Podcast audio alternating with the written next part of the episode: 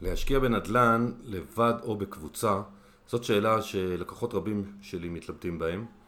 לכן הזמנתי הפעם את סרוליק חנוך, שהוא מנכ"ל משותף של SDB, שהיא עוסקת בהשקעה בקבוצות, לא ביחידים. גילוי נאות, אני השקעתי דרך אחת הקבוצות שלהם, ככה שאני אולי משוחד. בתיאור הפרק בפודקאסט ובאתר וביוטיוב או איפה שאתם מאזינים, יש לינק להשארת פרטים לאחד היועצי השקעות שלהם ואפשר להשאיר שם פרטים, יחזרו אליכם ויסבירו בדיוק. אה, פרטים, מה שבפרק כמובן אנחנו דיברנו יותר על עקרונות. אה, אז תהיה האזנה מעניינת והשקעות מוצלחות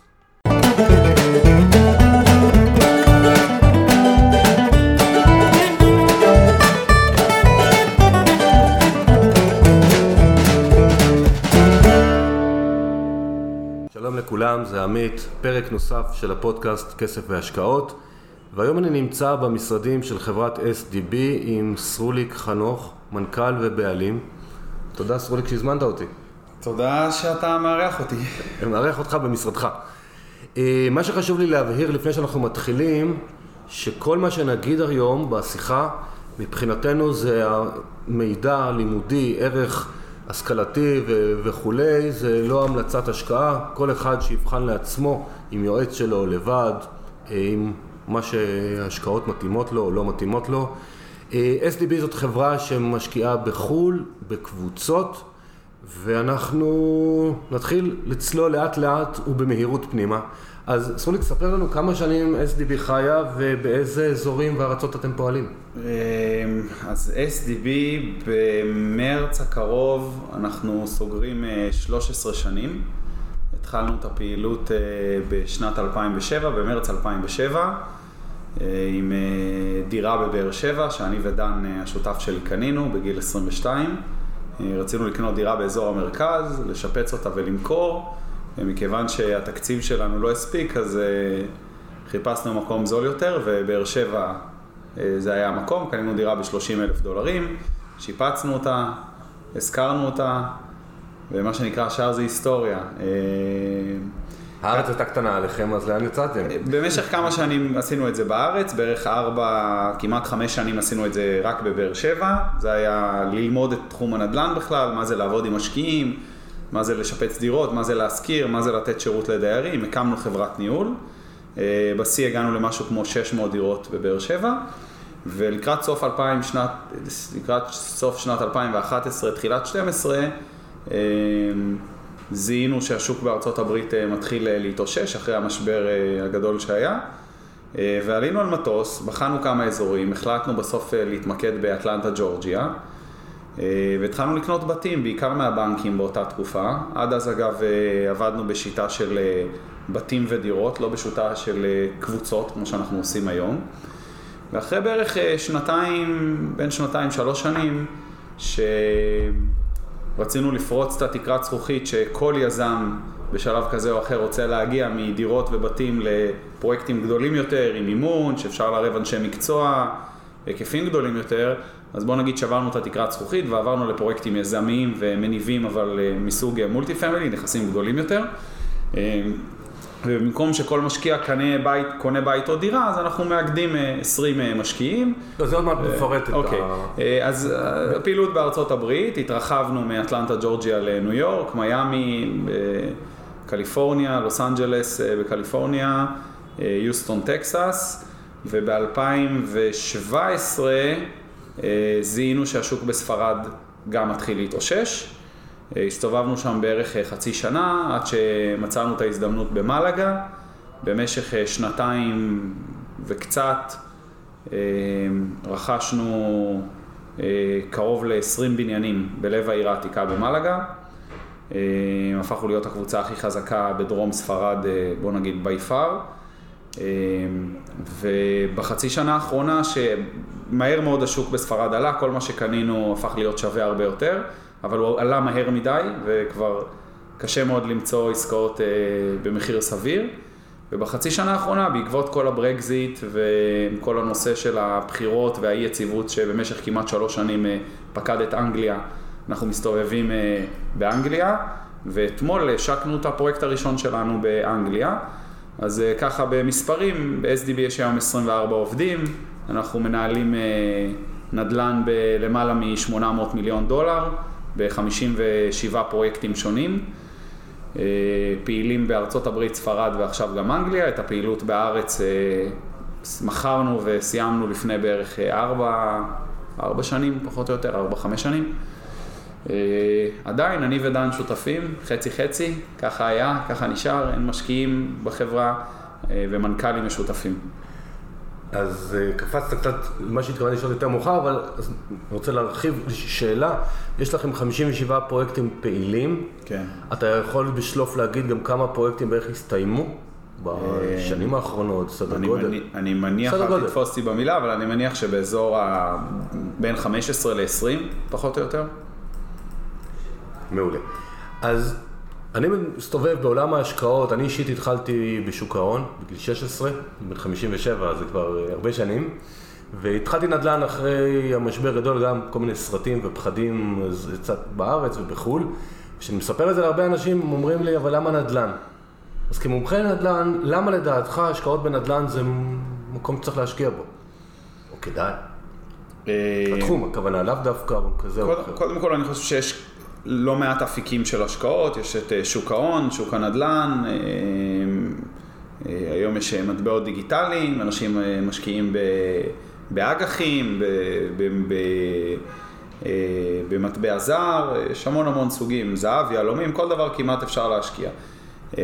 אנחנו התחלנו בנדל"ן, זה מה שאנחנו יודעים ואנחנו טובים בו. ואני חושב שכל אחד צריך לעשות את מה שהוא טוב בו, אני בטוח שאפשר להרוויח מקומות, בעוד מקומות אחרים ובעוד שווקים אחרים, זה מה שאנחנו יודעים לעשות, בזה אנחנו טובים ובזה אנחנו מת, מתמקדים. אז בואו נמשיך את השאלה שעולה הרבה מאוד אצל משקיעים או לקוחות שלי שבאים לייעוץ פיננסי, הם מתלבטים בין השקעה בדירה, בדירות בבעלות מה שנקרא, שעשיתם את זה פעם, mm-hmm. לבין השקעה בקבוצה. Mm-hmm.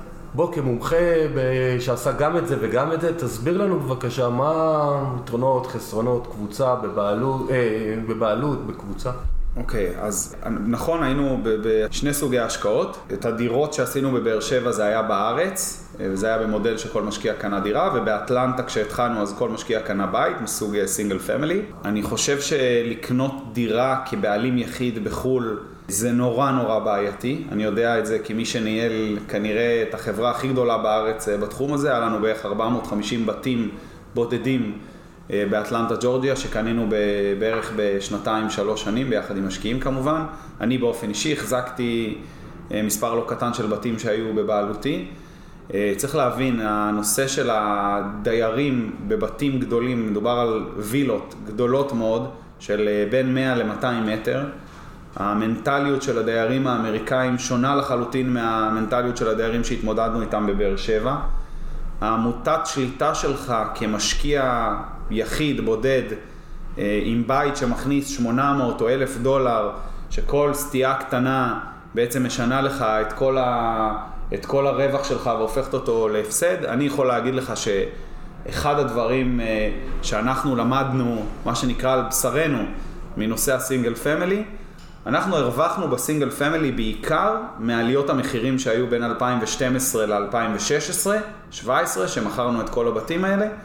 הרווחנו מעט מאוד מהשכירות השוטפת, אני אומר את זה בכנות, היה לנו, זה לא, אני אומר את זה בכנות כי זה לא היה קל, ציפינו שנרוויח הרבה יותר, ורכשנו הרבה מאוד בתים, גם אני באופן אישי וגם ביחד עם משקיעים, ואתה עושה את המספרים ואתה רואה שנכנס שכירות, אתה צריך להוריד מזה ארנונה, שזה הטקסס, אתה צריך להוריד מזה ביטוח, אתה צריך להוריד מזה ניהול, יש תקלות, דיירים לא משלמים, ב-180-100 אלף דולר אתה לא קונה בתים באזורים שהם מה שנקרא איי איי איי, ההפך הגמור הנכון, לרוב זו אוכלוסייה מהחתך הסוציו-אקונומי הנמוך ביותר. הבתים האלה מראש הם בעייתיים כי יש בהם המון המון דברים שיכולים להתקלקל, המון אלמנטים. זה לא דירה כמו בארץ, מבניין שהוא בנוי מבטון, זה בתים מבנייה קלה, ובסופו של דבר אם אתה עושה את המתמטיקה האמיתית, אתה אומר אוקיי, כמה עלה לי הבית, כמה נכנס בשנה, מה היו ההוצאות, קשה מאוד להרוויח, בטח היום שהמחירים כבר הם הרבה יותר גבוהים, ובטח שהעסקאות האלה הם אה, ברובם בלי מימון, או עם מימון יקר, כי הבנקים לא מוכנים לממן את העסקאות האלה של ה-100-150 אלף דולר, גם לא 200 בדרך כלל, ואם כן זה כל מיני גופים חוץ-בנקאיים בריבית גבוהה. אה, הבנו שפשוט אי אפשר להרוויח בזה, הרווח כן הרווחנו, כי המחירים עלו. אנחנו לא בונים אף פעם על עליית מחירים, למזלנו זה קרה, אבל מהשוטף לא הרווחנו. מצד שני, ברגע שאתה עושה פרויקט שהוא פרויקט גדול הרבה יותר, פרויקט של מיליוני דולרים, אז קודם כל יש לך את האפשרות לעשות את זה במיקום שהוא הרבה יותר טוב. דבר שני, אתה יכול לערב אנשי מקצוע שהם ברמה הרבה יותר גבוהה, החל מפה במשרד, אנליסטים ורואי חשבון ועורכי דין, שיבנו וינתחו את הפרויקט בצורה כזאת של להבין כמה הוא באמת רווחי.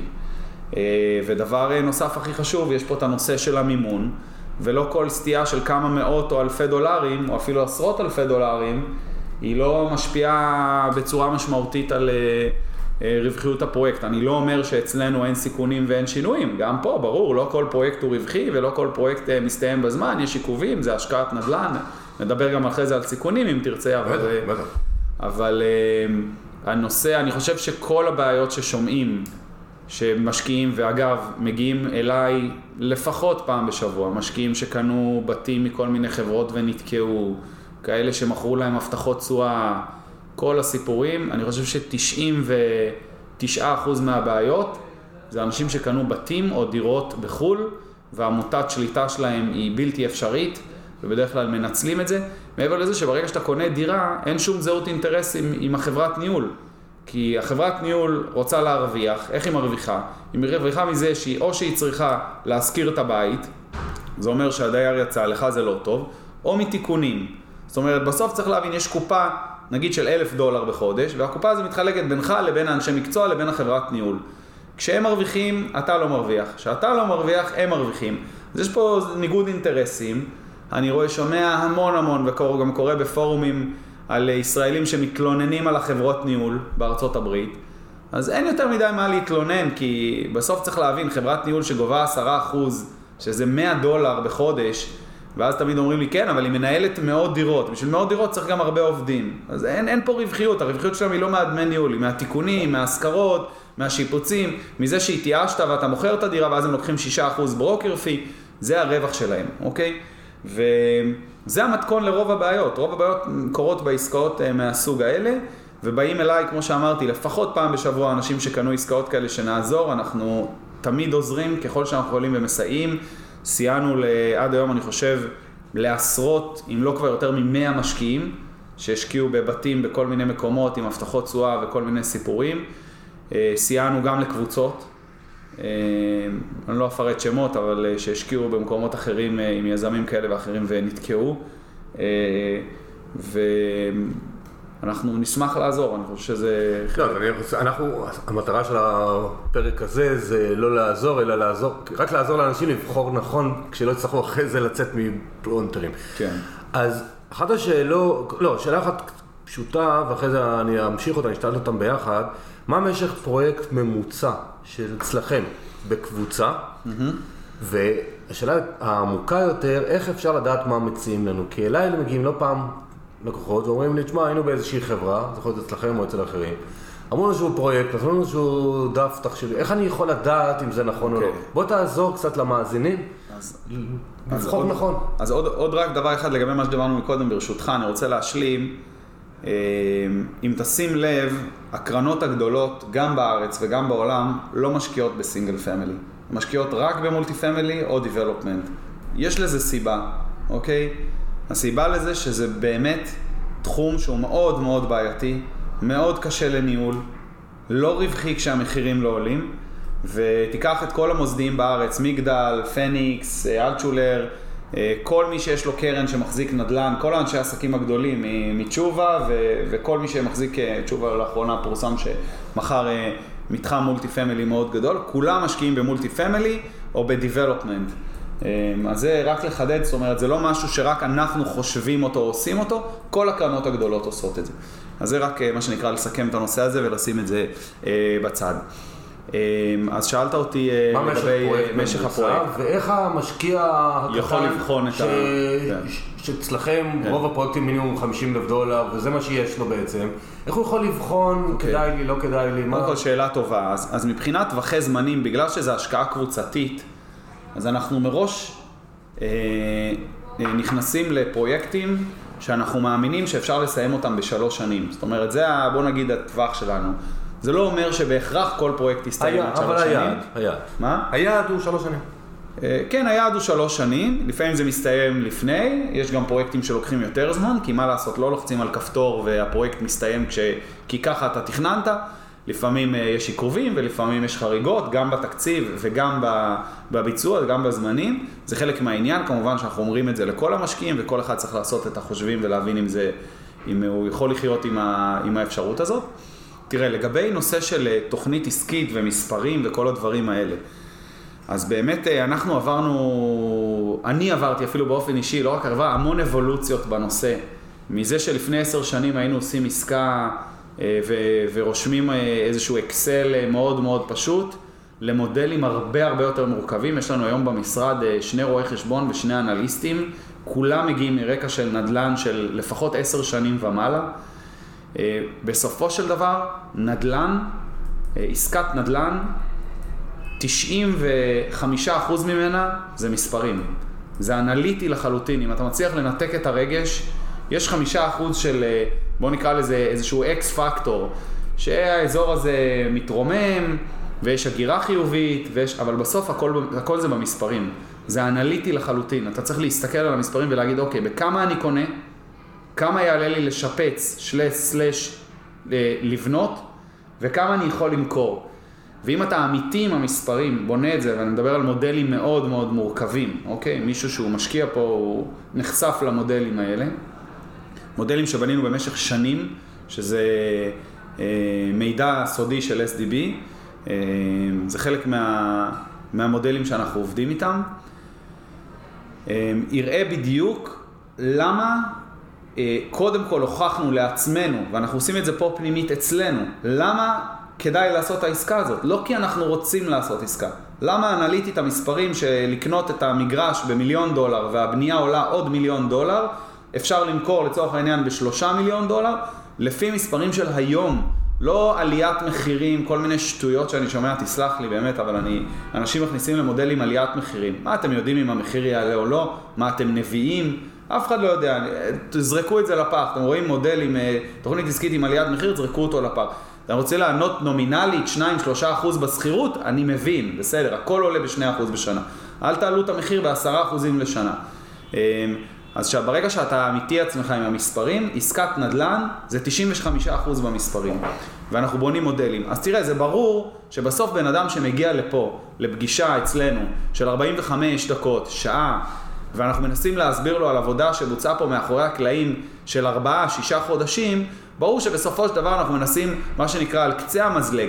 אבל, כן, יש פה משקיעים שהם גם יותר מתוחכמים, שמשקיעים פה סכומים של אה, מיליון ושניים וגם חמישה מיליון דולר, שבאמת יורדים לדיטלס. אגב, אני מציע לכולם, לכל מי שזה מעניין אותו, והוא בא להשקיע פה, שישב עם אחד האנליסטים שבנו את אותה עסקה, את אותו פרויקט שהוא מעוניין להשקיע, והם יסבירו לו אנליטית למה העסקה הזאת היא כלכלית, מה מצאנו את הרווח, למה אנחנו בעצם בונים את הבניין הזה פה, כי חסרות יחידות דיור, כי אה, בתים באזור נמכרו ב-X, כי Y, כל הדברים האלה, אה, והוא יוכל לשאול את השאלות, ואני מציע אה, לכל משקיע כן לשאול את השאלות וכן לבחון ולהבין. ברור שיש כאלה שגם אין להם את האפשרות, ואז באמת אתה יותר צריך לסמוך על החברה, על המוניטין, על הניסיון, על, ה... על כל הדברים האלה, כי בסוף, איך אני אומר, אתה רוצה לעשות עקירה בשן, אתה לא הולך ללמוד רפואה עכשיו אה, שבע שנים, אתה הולך לשלושה רופאים ואתה אומר, אוקיי, מתוך, משלושתם אתה בוחר את זה שאתה הכי סומך עליו. אז אני מניח שגם אצלנו אנשים הולכים לעוד כמה חברות, באים לפה, ואומרים, אוקיי, אנחנו בסוף הכי סומכים עליכם. אז זה, זה, מקווה שעניתי ככה. אז אני רוצה להשלים שאני קורא לזה, ללקוחות שלי, אני אומר להם, קודם כל תבינו שהסיפור נשמע לכם הגיוני. כמו שאתה אמרת, בסיפור יכול להיות עליית ערך, יכול להיות, אני תמיד נותן את הדוגמה הזאת, אה, מה זה סיפור בשבילי? אם עכשיו יציעו למישהו עסקה במרכז קניות בארצות הברית ויגידו לו כל הגדולים שוכרים שם וולמארט ומייסיס וכו' וכו'.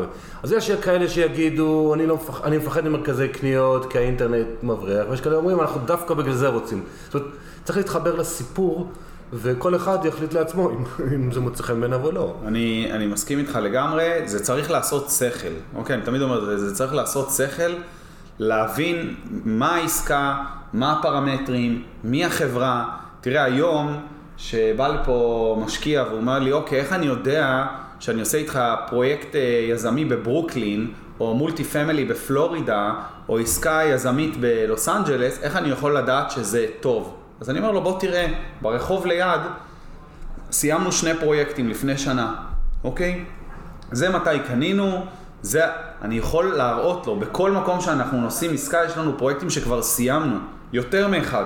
ויש לנו פרויקטים שהם בתהליך ובבנייה או בשיפוץ, או נכסים מניבים, שאנחנו בוחנים היום.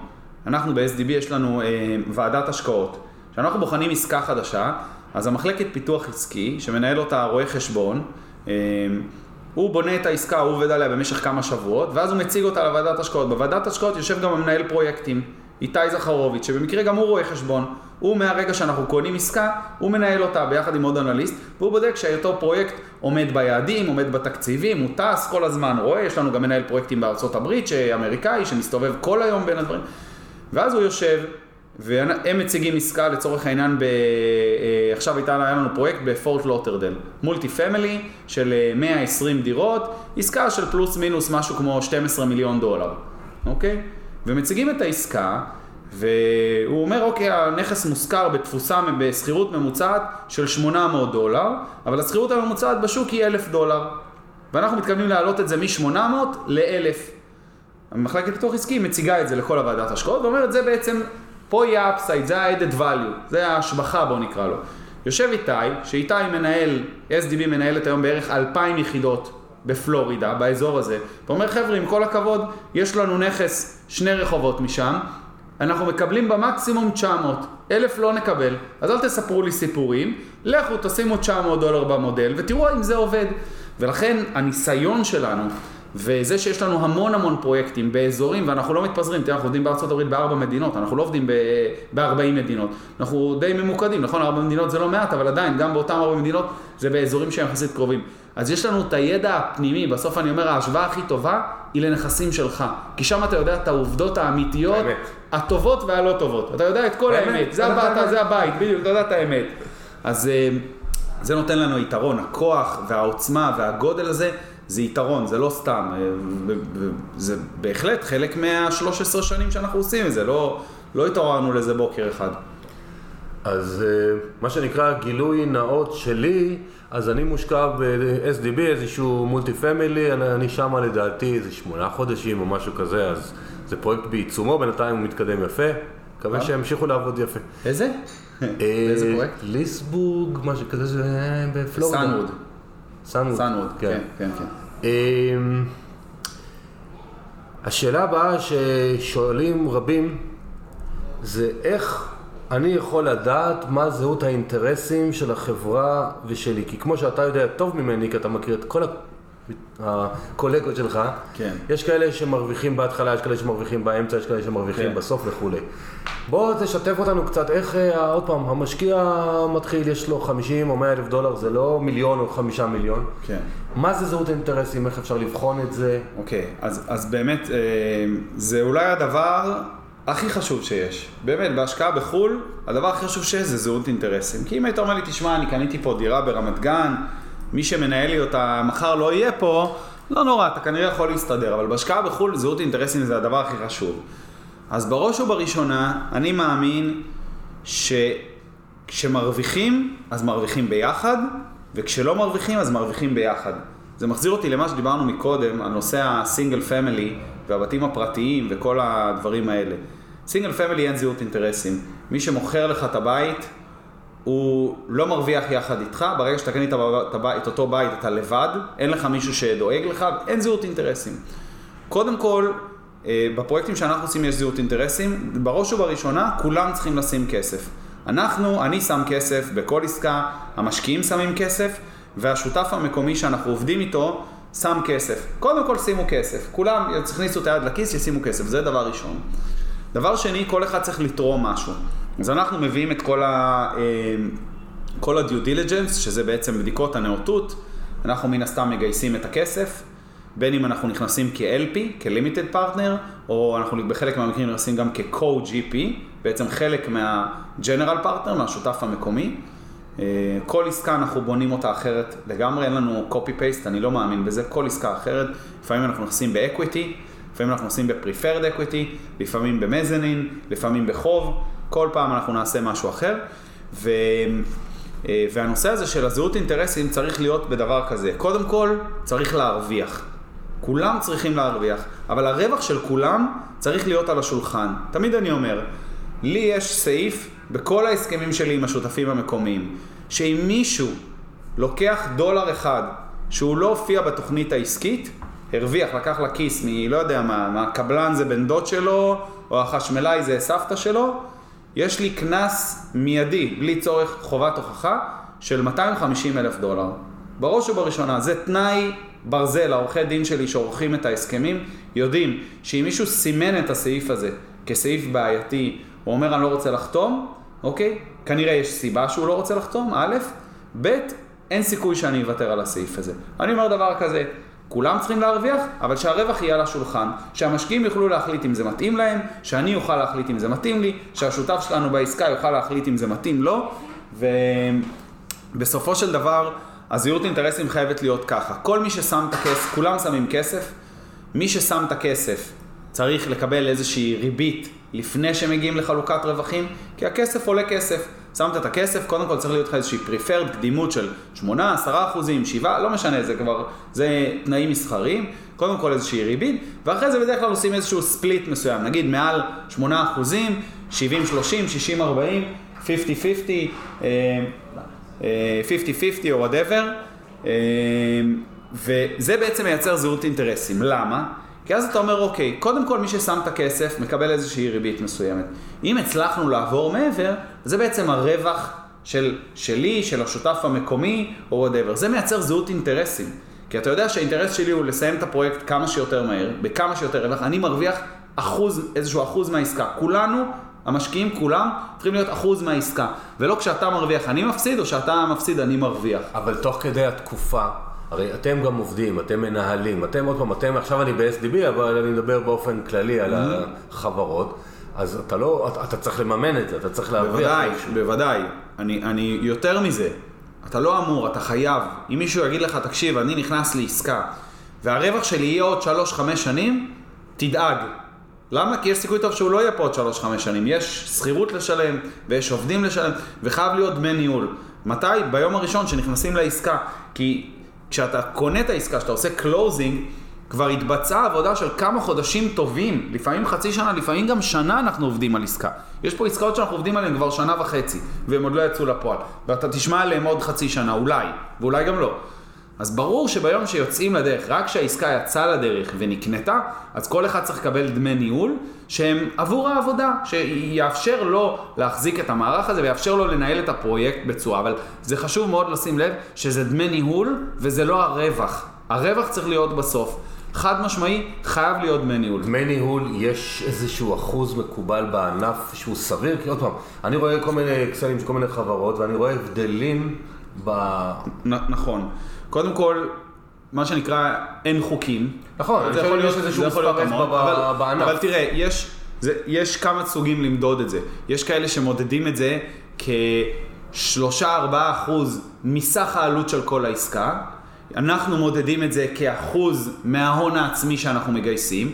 אז בעצם, נגיד אם העסקה ממונפת ב-70 אחוז, אז ההון העצמי הוא יחסית נמוך מסך עלויות העסקה, אז האחוז יהיה גבוה יותר. אבל אם אתה לוקח, נגיד, נגיד מכל העסקה, מסך העלות של כל העסקה, שאגב, ככה עובדים בחו"ל, בחו"ל לא עובדים אה, גם בארצות הברית וגם בספרד וגם באנגליה, אומרים, אוקיי, אנחנו גובים 2%, 3% מסך עלות של כל העסקה. גם אם זה ממונף. כן, לא, לא, מינוף זה, זה חלק מהעסקה, זה כסף, אוקיי, בסופו של דבר. אז, אז זה מדיד, שוב, זה צריך להיות סביר, כמו שאמרת מקודם, זה צריך לעשות שכל, אוקיי? זה צריך להיות סכום שאתה מסתכל ואתה אומר, אוקיי, עכשיו יש פה חברה, אם יושב בן אדם איתך בבית קפה ומציע לך עסקה ואומר לך, אני צריך 100 אלף דולר כדי לנהל את זה, אז אתה יודע, הייתי קם ובורח. אבל אם אתה יושב בחברה שאתה רואה שיש 20 עובדים, ואתה מבין שיש פה מערך, ואתה מבין שאתה צריך לנהל פה פרויקט במשך שלוש שנים, וזו עסקה של 20 מיליון דולר, ואתה אומר, אוקיי, 100-200 אלף דולר בעסקה של 20 מיליון דולר, זה זניח, זה לא ישנה לתוצאות העסקה, זה לא יהיה משמעותי. וזה בסופו של דבר חלק מה, מהפרמטרים שהיא צריך להסתכל. וזה צריך להיות חלק מהוצאות העסקה. זאת אומרת, זה חלק מ... מ כמו שיש אדריכל וקבלן ושמאי, כל הדבר הזה צריך להיכנס לאקסל כחלק מהוצאות העסקה. שאלו, אני, אני שאלתי הפעם בקבוצת פייסבוק שלי, שאני גם נקראת כסף והשקעות, קצת שאלות לקראת הפגישה איתך. אז אחת השאלות שהתבקשתי לשאול, איך אתם יכולים לעשות בקרה מהארץ כשיש לכם כל כך הרבה פרויקטים מחו"ל? עכשיו אני שומע שיש 57, זאת אומרת, המשקיע רוצה לדעת איך זה מנוהל, ככה להבין מאחורי הקלעים בקטע הזה. אה, קודם כל, שאלה מאוד טובה. אני תמיד אומר שעסקת נדל"ן נמדדת פעמיים. אה, פעם אחת בקנייה, אם קנית טוב ובנית תוכנית אמיתית, ריאלית, אוקיי? אז עסקת נדל"ן עושים פעמיים, פעם אחת בקנייה ופעם אחת בניהול השוטף. אז בקנייה, כמו שאמרתי, יש פה צוות שלם שמנתח 60-80 עסקאות בחודש, כדי לבחור בפינצטה את האחת הכי טובה, או לפעמים גם לא לבחור, כי אין.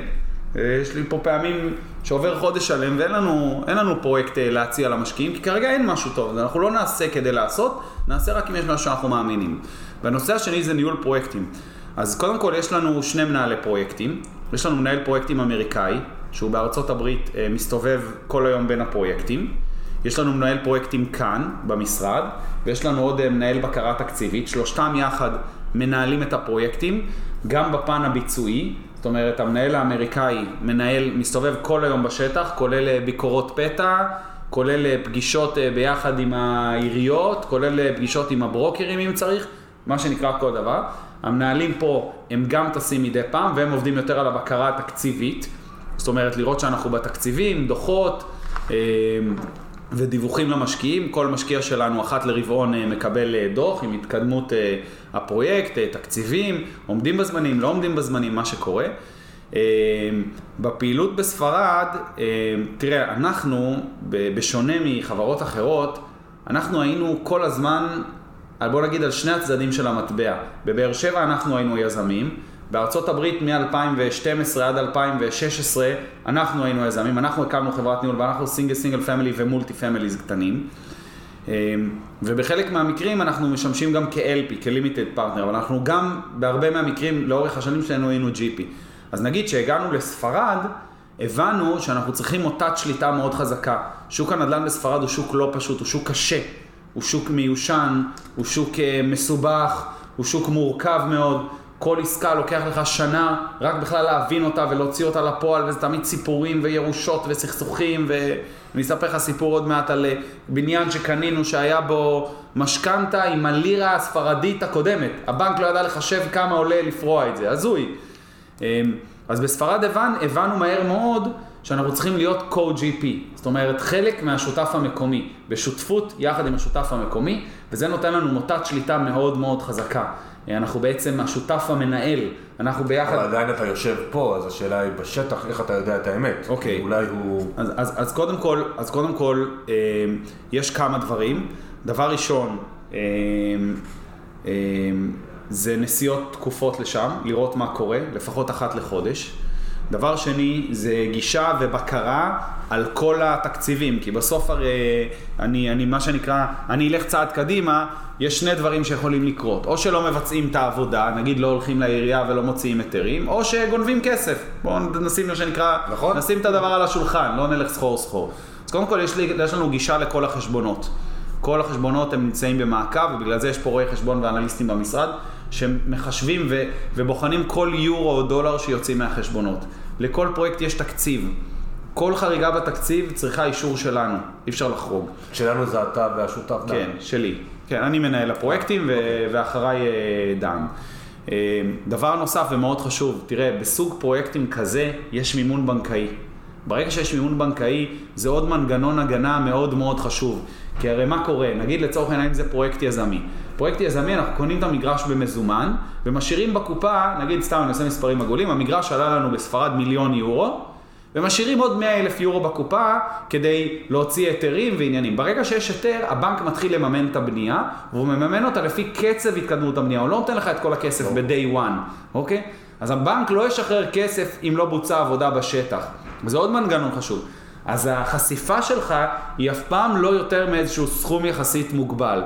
ו... וכן, קרה לנו גם מקרים שהשותף המקומי לא עשה עבודה טובה, והחלפנו אותו. קודם כל, הניסיון שלנו, גם בשוק הנדל"ן האמריקאי, וגם בשווקי נדל"ן בכלל בעולם, יש לנו uh, פרויקט של מולטי uh, פמילי גדול, שהשותף המקומי הוא שותף uh, עם הרבה מאוד, הרבה מאוד uh, ניסיון והרבה מאוד פרויקטים, ואחרי שנה ראינו שהוא לא מבצע את העבודה כמו שצריך. טסנו לשם, השתלטנו, עשינו take over על הנכס, הוצאנו אותו, ההסכמים שלנו מאפשרים לנו לפטר את השותף המנהל. פיטרנו אותו, השתלטנו על הנכס, אנחנו מנהלים את הנכס הזה במשך כבר 4-5 חודשים, ועכשיו אנחנו לקראת חתימה עם אה, שותף מקומי חדש. ברור שזה לא טוב, ברור שאף פעם לא רוצים להגיע למצב הזה, אבל מצד שני אנחנו גם לא מפחדים מהמצב הזה. כאילו, מה שנקרא, אף אחד לא יכול להחזיק אותנו, אתה יודע איפה. כי בסופו של דבר, אם, אם, אתה, אם אין לך את הניסיון, הידע, היכולת לבוא ולהגיד למישהו, אדוני, עם כל הכבוד, תיקח את הדברים ולך הביתה, כי אתה לא יודע לעשות את זה בעצמך, אתה בבעיה. אם אתה יודע לעשות את זה, אז אתה יודע לפתור את הבעיות, זה לא טוב לפרויקט, אף פעם זה לא... מעכב. זה מעכב, וזה יכול לייצר לך חריגות בתקציב, אבל, אבל מצד שני, הצד השני של זה, זה יכול להיות שפרויקט מגיע גם לדיפולט, ויש פה הלוואות לבנקים. אז, אז, אה, אז אני רוצה להמשיך, ענית על חלק מהשאלה, אני רוצה רק שתחדד, אה, אולי כבר ענית על הכל. Mm-hmm. עוד שאלה שהתבקשתי לוודא איתך ולשאול, כן. מה הבטוחות שאתם לוקחים יזם ונותנים לנו המשקיעים, גם מול היזם החיצוני, וגם חס וחלילה, אתה ודן, משהו, SDB, קורה משהו, אוקיי. איך אנחנו, מה שנקרא, המאזינים המשקיעים, כן. מוגנים בדרך כזו אוקיי. או אחרת? אז תראה, קודם כל, כל עסקה היא deal by deal. לכל עסקה יש חברה שהיא SPC, Special Purpose Company, חברה ייעודית שהיא רק חברה לאותו נכס. SDB היא חברת ניהול. אם חלילה קורה מחר בבוקר משהו ל-SDB, כל הפרויקטים ימשיכו לעמוד. כל פרויקט הוא stand alone, הוא עומד בפני עצמו.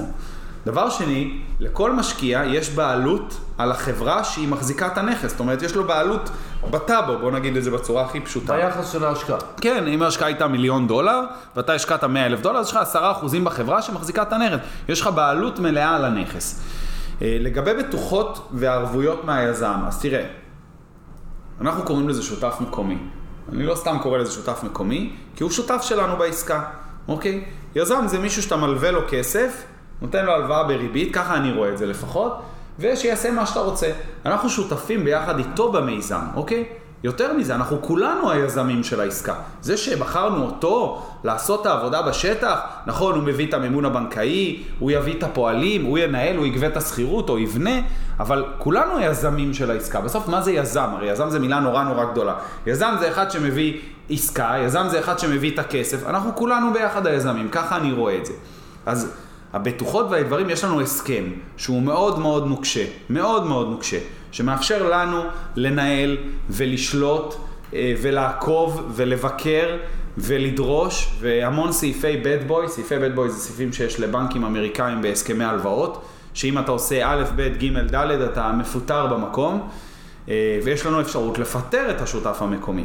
מעבר לזה שתזכור, אותו שותף מקומי, ברוב המקרים, בכל המקרים בארצות הברית, וגם בספרד שאנחנו co-GP, וגם באנגליה שאנחנו co-GP, חותם על הלוואה של מיליוני דולרים, אם לא עשרות מיליוני אז רציתי דולרים. להרחיב שבעצם הסיכון של הקרדיט סקור וכולי בבנק תשמע, האמריקאי זה שלא, צריך- זה צריך להבין.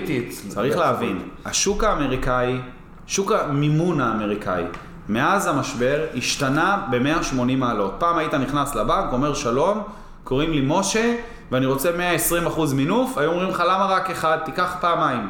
הדבר השתנה לחלוטין, היום כדי לקבל מימון, אתה עובר אה, אה, אה, אה, מה שנקרא אה, עשרת מדורי גיהנום, זה המון המון בדיקות ובודקים מי אתה ומה אתה ולמה ומה הניסיון שיש לך, ואם פעם זה רצו לראות שיש לך כסף, היום רוצים לראות שיש לך כסף, אבל יותר חשוב ה track record שלך, לראות מה- כמה עסקאות מהסוג הזה עשית. אה, והמון המון אה, המון המון due diligence שהבנק עושה, בסוף תחשוב על זה, הבנק הוא המשקיע הכי גדול בפרויקט, הוא שם בו הכי הרבה כסף, נכון בחוב, אבל עדיין הוא משקיע בפרויקט. ושותף מקומי שחותם על הלוואה של מיליוני דולרים לוקח סיכון, שאם הפרויקט לא יצלח והבנק ילך בעצם ל default או ל foreclosure, זה ידפוק לו את כל ה credit score, דבר כזה נשאר, נרשם לו לכל החיים, אי אפשר למחוק את זה אחרי זה, צריך להבין. אה, זה, זה חמור ביותר, אוקיי? אה, דבר שני, הוא שם כסף, הוא משקיע כסף בעסקה, ככל אחד המשקיעים, לפחות עשרה אחוזים מההון העצמי.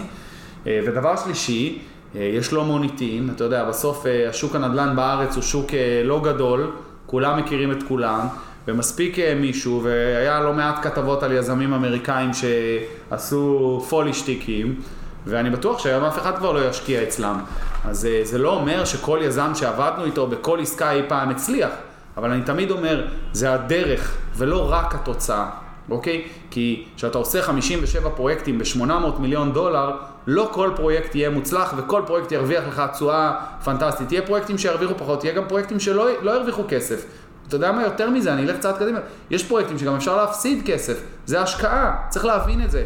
אני תמיד אומר לאנשים, זה השקעה, אנשים חושבים שבנדל"ן אפשר רק להרוויח וכולם מרוויחים. תשמע לי, יש פה, אני יושב עם אנשי עסקים, השמות הכי מוכרים בארץ, שעשו עסקאות במאות מיליונים, והפסידו. נוצר בארץ איזושהי אה, סיטואציה שבנדל"ן רק מרוויחים וכולם מרוויחים, אין דבר כזה, אי אפשר להפסיד. אז אפשר, והפסידו גדולים וטובים מאיתנו. יחד עם זאת, אני בא ואומר, שכן, ברור שבסוף, אם רוב הפרויקטים לא היו רווחים, לא היינו עושים את זה. אבל כן, אה, בסופו של דבר אנחנו שופטים בשותף, אנחנו יותר שופטים את הדרך מאשר את התוצאה הסופית. אני אומר את זה חד משמעי. ולא סתם התחלתי בתחילת השיחה שלנו להגיד שאנחנו פה מביאים מידע ולא המלצות כדי שכל אחד יחליט לעצמו. חד משמעי. כי נדל"ן זה השקעה, כי כמו שבשוק ההון אפשר להרוויח, אפשר להפסיד. גם נדל"ן זה בסוף הרבה משתנים. עכשיו, אתה לא רואה חשבון, אבל יש לך ניסיון. אמ, האם אתה יכול להסביר למי שפחות בקיא איזה סוגי, לא באחוזים, איזה סוגי דיווחים המשקיע צריך לעשות, איך זה עובד, יש דיווחים בחו"ל, יש דיווחים בארץ. מיסויים אתה מתכוון? מיסויים, כן. אוקיי, אז, אז באמת אני לא רואה חשבון, לכן אומר, רק אה, שמות כותרות, אה, לא רק כותרות של מה שצריך לדעת. אז תראה, יש אמנת מס, בשלושת המדינות שאנחנו פעילים בהן יש אמנת מס, זה אומר שאין כפל מס. גם בין ישראל לארה"ב, בין ישראל לספרד ובין ישראל לאנגליה. היתרון שיש אמנת מס, זה אומר שאתה משלם את המס אה, אה, הדרוש באותה מדינה שעשית בה את העסקת נדל"ן, ואתה משלים את המס בארץ. זאת אומרת, בארץ יכירו לך, לצורך העניין ניקח דוגמה, נגיד שילמת בארצות הברית 10% מס, ובארץ המדרגה על אותה, אותו סוג השקעה עומד על 25%, אז יכירו לך ב-10%, ותשלם עוד 15 כאן. בדיוק כל השקעה, מה המדרגת מס, לא, לא, זה לא... אין, אין, לזה, אין לזה חוקים, כי כל אחד משקיע בפרויקט כזה או בפרויקט כזה, אם זה רווח הון, אם זה אה, רווח פירותי וכו'. לא, התכוונתי שאנשים ישמעו גם ממך שבעצם צריך לדווח גם באותה מדינה. אנשים לפעמים בתמימות כן. חושבים ש... שלא. כן, צריך לדווח. ואתם יודעים לעזור אה, לחבר לאותו רואה חשבון בספרד, אנגליה. כן, יש לנו בכל מדינה שאנחנו פעילים, אנחנו עובדים עם רואה חשבון אה, ישראלי מקומי. אה, שנותן שירות למשקיעים שלנו, אנחנו עושים את כל הדוחות של החברות אה, ומוציאים, אה, בארצות הברית זה נקרא K1, בספרד זה דוח רווח הפסד, לכל משקיע, אנחנו מגישים את הדוחות של החברות ומוציאים לכל משקיע ומדריכים אותו ומסבירים אותם בדיוק מה צריך לעשות, ההליך הוא הליך פשוט, שהולכים לרואי חשבון פעם בשנה, חותמים על מסמכים, משלמים אני, כמה מאות דולרים לפי דעתי, אה, ובזה מסתכם הדיווח, יש היום עשרות אם לא מאות אלפי ישראלים שמשקיעים אה, בחו"ל, והדבר הזה הפך להיות מאוד שכיח, ויש המון רואי חשבון שנותנים אה, את השירות הזה, ואנחנו עושים את זה הרבה מאוד שנים, ואני מאחל לכולם לשלם מס, כי זה אומר שהם הרוויחו. אבל אנחנו רוצים לשלם פחות, אבל לא, כמה שפחות. אבל חוקית. אבל חשוב ששמעתם שבעצם חובת דיווח גם בארץ ההשקעה וגם בישראל. הקטע הזה שבישראל יש פטור ממס אה, על השכרות, זה רק להשכרות בתוך ישראל, לא בחו"ל. בחו"ל צריך לדווח מהיורו דולר הראשון, סטרלינג, פשוט צריך לדעת את זה.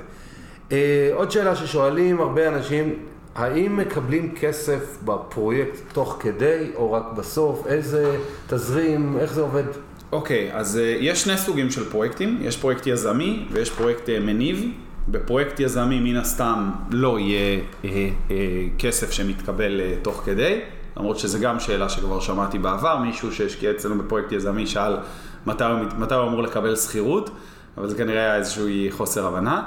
אה, ובפרויקט מניב, כן, ככל שיש. זאת אומרת, גם פרויקט מניב, אה, יכול להיות עכשיו רבעון שדיירים פינו והיו יותר הוצאות מהכנסות, ואז אין לחלק. אבל כן, זה יעדים שאנחנו יכולים להעריך אותם היום לפני שאנחנו נכנסים לעסקה בפרויקט מניב, אנחנו עושים גם וגם. בסופו של דבר, אותנו מעניין להרוויח כסף על הכסף, לא משנה אם זה יהיה בפרויקט יזמי או בפרויקט מניב, ברור שכולם אוהבים פרויקט מניב וזה תמיד נותן הרגשה יותר טובה ואני מבין את זה. לא קל למצוא פרויקטים מניבים טובים מסוג multi family, במיוחד בארצות הברית, כי השוק היום עלה, אנחנו כבר כמעט 8-9 אה, שנים של עליות מחירים, זה לא איפה שהיינו ב-2012 ולא 2014 וגם לא 2016. אה, אבל כן, אנחנו מעת לעת מצליחים למצוא משהו שאנחנו מאמינים, ויש לנו גם פרויקטים מניבים וגם פרויקטים יזמיים, ומכיוון שאנחנו עובדים בשיטה של deal by deal, אז כל משקיע יכול לבוא לפה ולהגיד, אוקיי, הפרויקט הזה מעניין אותי, הפרויקט הזה לא מעניין אותי, ולקבל את ההחלטה, אבל בהחלט אנחנו עושים גם וגם. ואז מתחבר אה, לשאלה הבאה, האם אפשר לצאת באמצע פרויקטים? בא, אתה אמרת שפרויקט ממוצע היעד הוא שלוש שנים. כן. אדם השקיע כסף, אחרי שנה ורבע, לא משנה למה, בא לו את הכסף חזרה. איך זה עובד? אפשר, אי אפשר? אוקיי, okay, אז uh, מן הסתם ההשקעה היא לא שכירה, זה אומר ש... שלא ניתן לצאת באמצע ההשקעה. אנחנו, אני יכול להגיד בכנות, אני לא חושב שאף פעם אמרתי את זה בראיון או משהו כזה, שעד היום... סקופ. סקופ, כן. הוצאנו אולי, אני יכול לספור על יד אחת, אה, אנשים באמצע פרויקט, וזה היה באמת מקרה קיצון. מאוד מאוד, אתה יודע, אישה... מבוגרת. אישיות, מה שנקרא. כן, מישהי שחלתה במחלה והייתה צריכה את הכסף, או מישהו שחלילה, באמת סיפורי קיצון. אבל בגדול לא, ההשקעה היא לא שכירה. אה, צריך לקחת בחשבון לפני שנכנסים להשקעה, שההשקעה לוקחת איקס זמן, וכמו שאמרנו, יכול להסתיים לפני, יכול גם להסתיים קצת אחרי. אה, ו... זה בגדול, כן, זה בגדול, כן. אני, מה שחשוב לי שבפודקאסט בכלל, אה, אנשים ידעו את האמת, שיעשו איתם מה שהם רוצים, אבל שידעו את האמת. חד משמעי. ועוד שאלה שהתבקשתי לשאול, זה ככה, איזה שקיפות ומידע על נתונים יש למשקיע בהחלטה להיכנס, ובשוטף איזה עדכונים ודיווחים אתם... אוקיי, okay, אז, אז שקיפות באמת, אני חושב שזה אחד הדברים אה, אולי הכי חשובים בהשקעות בכלל, בהשקעות נדל"ן בחו"ל בפרט.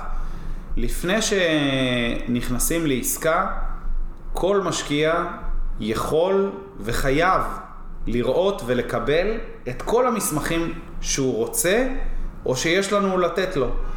אין שום סיבה, אתה יודע, אני לפעמים שומע, ביקשתי לראות ולא נתנו לי, או אמרו לי שאי אפשר. מלבד זה שאנחנו כפופים לרשות לניירות ערך ויש את כל נושא ה-35 ניצאים, אז מן הסתם אנחנו לא יכולים לחשוף תוכנית עסקית בפני כל אחד, אבל ברגע שמישהו נרשם וחותם על טופס ניצב ועובר את התהליך המסודר שיש אצלנו והופך להיות אחד מה-35 ניצאים של אותו פרויקט, הוא צריך וחייב לראות הכל. אני יותר מזה, אני ממליץ לשאול כמה שיותר שאלות, להבין את הפרויקט, לראות מה אנחנו בחנו. כמובן, מדובר לפעמים גם על מאות מסמכים, אז אני לא מצפה שהוא יישב ויקרא את הכל, אבל בוא נגיד את ההיילייט, את הדברים העיקריים, חד משמעי. אין שום סיבה בעולם שמישהו לא ייתן לכם או יסתיר מכם איזשהו אה, מסמך כזה או אחר. צריך להיות שקיפות מלאה, זה הדבר הכי חשוב. תמיד אני אומר, אם, אם יש מה להסתיר, כנראה שיש לזה סיבה. ואנחנו, מהסיבה שאין לנו מה להסתיר, אז נורא קל לנו, הכל על השולחן, פורסים את הכל, כל אחד יעשה את החישובים שלו ואת ההחלטות שלו, ומה שיחליטו זה בסדר. יש לנו למעלה מ-1,500 משקיעים פעילים, ויש לנו בערך 18,000 משקיעים במאגר, אז אנחנו פגשנו... ב-13 שנים שאני פעיל, אני באופן אישי נפגשתי עם אלפי משקיעים, אלפים, באמת אלפים אלפים אלפים. ואתה יודע, זה בסדר, ישבתי עם הרבה משקיעים שישבו ואמרו לי, תשמע, תודה אבל לא תודה, וחלק מהאנשים אמרו לי, כן, תודה ואני רוצה, הכל זה בסדר, אנחנו חיים עם הכל בשלום. ואחרי שהפרויקט נסגר, אז אנחנו מוציאים עדכון אחת לרבעון. ברור שהדוחות שאנחנו מנהלים כאן והדרכים שאנחנו מנהלים את התקציבים והבקרה הם במודלים מאוד מאוד מורכבים, שאגב, כל מי שרוצה יכול לראות אותם. אנחנו מן הסתם לא נשלח אותם ברבעון, כי אנשים אה, ישברו את הראש מה זה אומר. אז אנחנו בדיווח רבעוני מוציאים, אה, בואו נקרא לזה תקציר מפורט, של אודות אה, סטטוס התקדמות, נגיד אה, בפרויקט אה, בברוקלין, קיבלנו היתר, התחלנו בנייה, סיימנו שלד. השלב הבא אמור להיות אה, אה, אינסטלציה חשמל מים, ואחרי זה נתחיל לעבוד על הפינישים. אה, קירות ופינישים, ב multi family אה, פינינו עשר דירות, שיפצנו את הדירות, העלינו את השכירות עד היום ב-15% באופן ממוצע, מקבל הסבר אה, מילולי. ואז הוא מקבל תקציב, מה קרה ברבעון האחרון, כמה כסף נכנס, כמה כסף יצא, אם יש חלוקות, כמה הוא אמור לראות בחשבון שלו ברבעון הקרוב, ממש מפורד, ואם אותו דיווח רבעוני לא מספק אותו, אז יש לנו פה מערך שלם של קשרי משקיעים, שהוא יכול לפנות גם בין הרבעונים או גם אחרי רבעון, אם הדוח לא היה מספיק ברור, עם כל שאלה שהיא, בין אם בשיחת טלפון או בין אם במייל, או גם משקיעים לפעמים באים לפה שהם רוצים לקבל תשובות או להיפגש איתנו אה, ולקבל הבנות או הסברים לגבי אה, משהו כזה או אחר.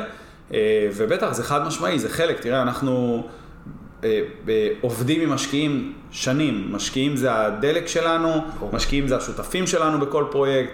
אנחנו מעריכים משקיע של 50 אה, אלף דולר, בדיוק אותו דבר כמו משקיע שהשקיע פה גם אה, חמישה ועשרה מיליון דולר, ויש גם כאלה, יש לנו משקיעים מאוד גדולים.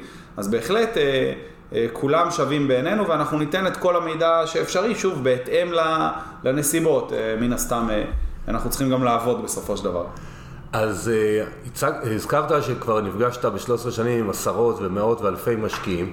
אז בוא תן לנו איזה כמה דוגמאות לטעויות הנפוצות שאתה ראית, כדי שלפחות המאזינים שלנו את הטעויות האלה לא יעשו. אוקיי, okay, אז אמרתי בראש הראשונה, לא להתפתות לדברים שנראים. אני יכול להגיד לך שבאמת בעשר שנים האחרונות, מאז שהתחילו, מאז שהשוק הנדל"ן בארץ התחיל להיות אה, יקר ואנשים התחילו לצאת לחו"ל, לפי דעתי זה היה איפשהו... אה, לקראת אה, אה, שנת, אה, בוא נגיד 2014-2015, שהתחילו יותר ויותר לצאת.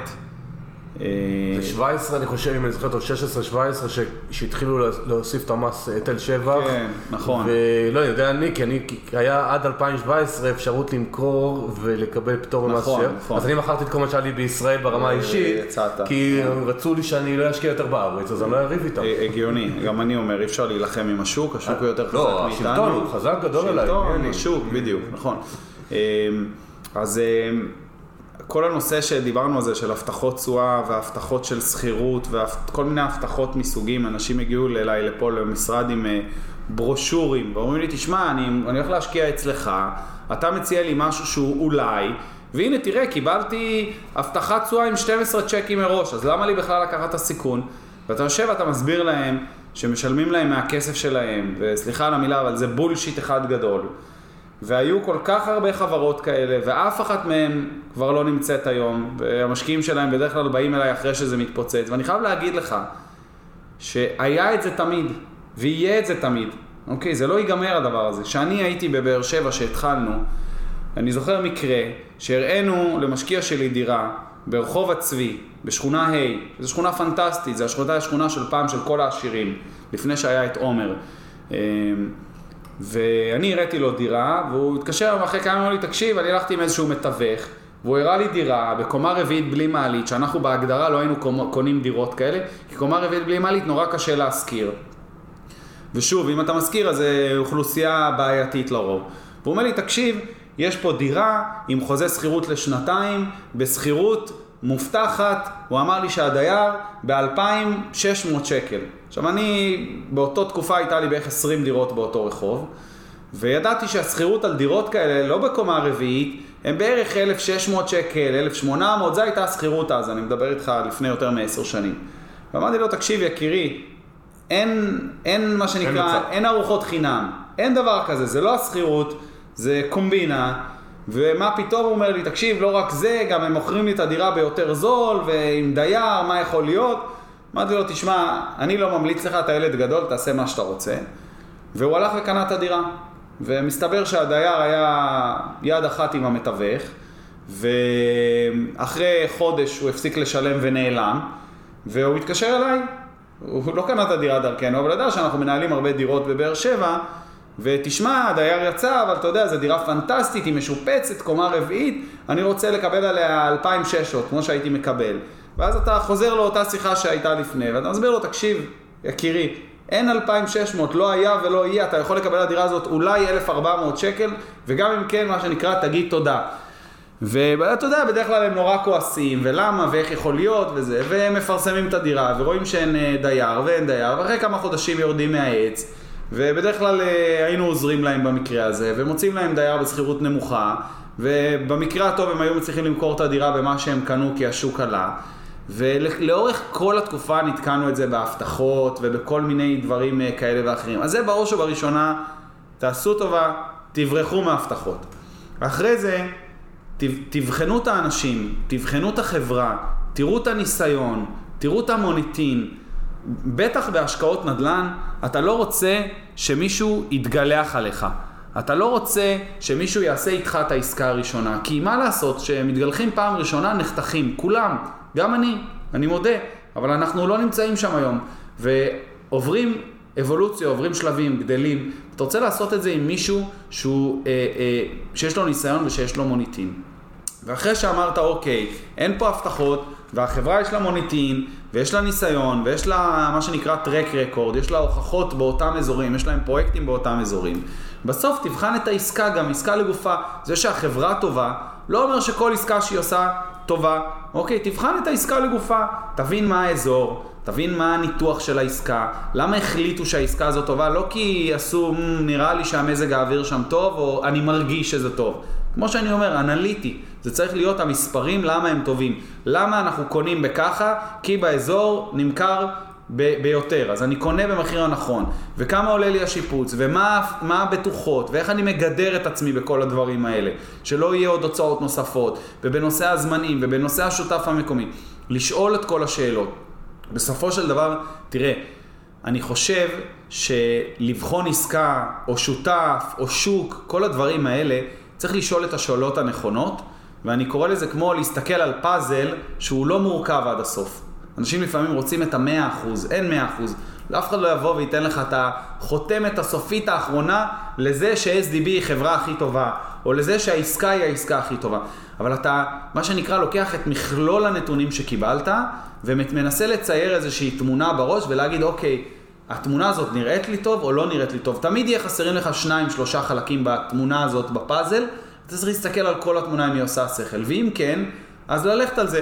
בסופו של דבר, כן דבר אחד חשוב, צריך לעשות.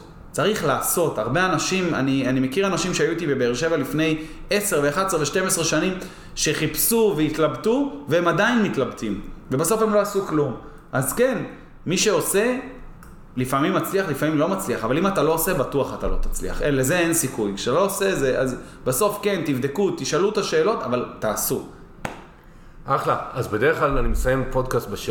בשלושה טיפים למאזינים, אבל בעצם אתה נתת על השלושה, ארבעה טיפים, לא להתפתות לאשליות, לבחון את החברה שעובדים איתה, לבחון שהעסקה טובה, ופשוט לעשות.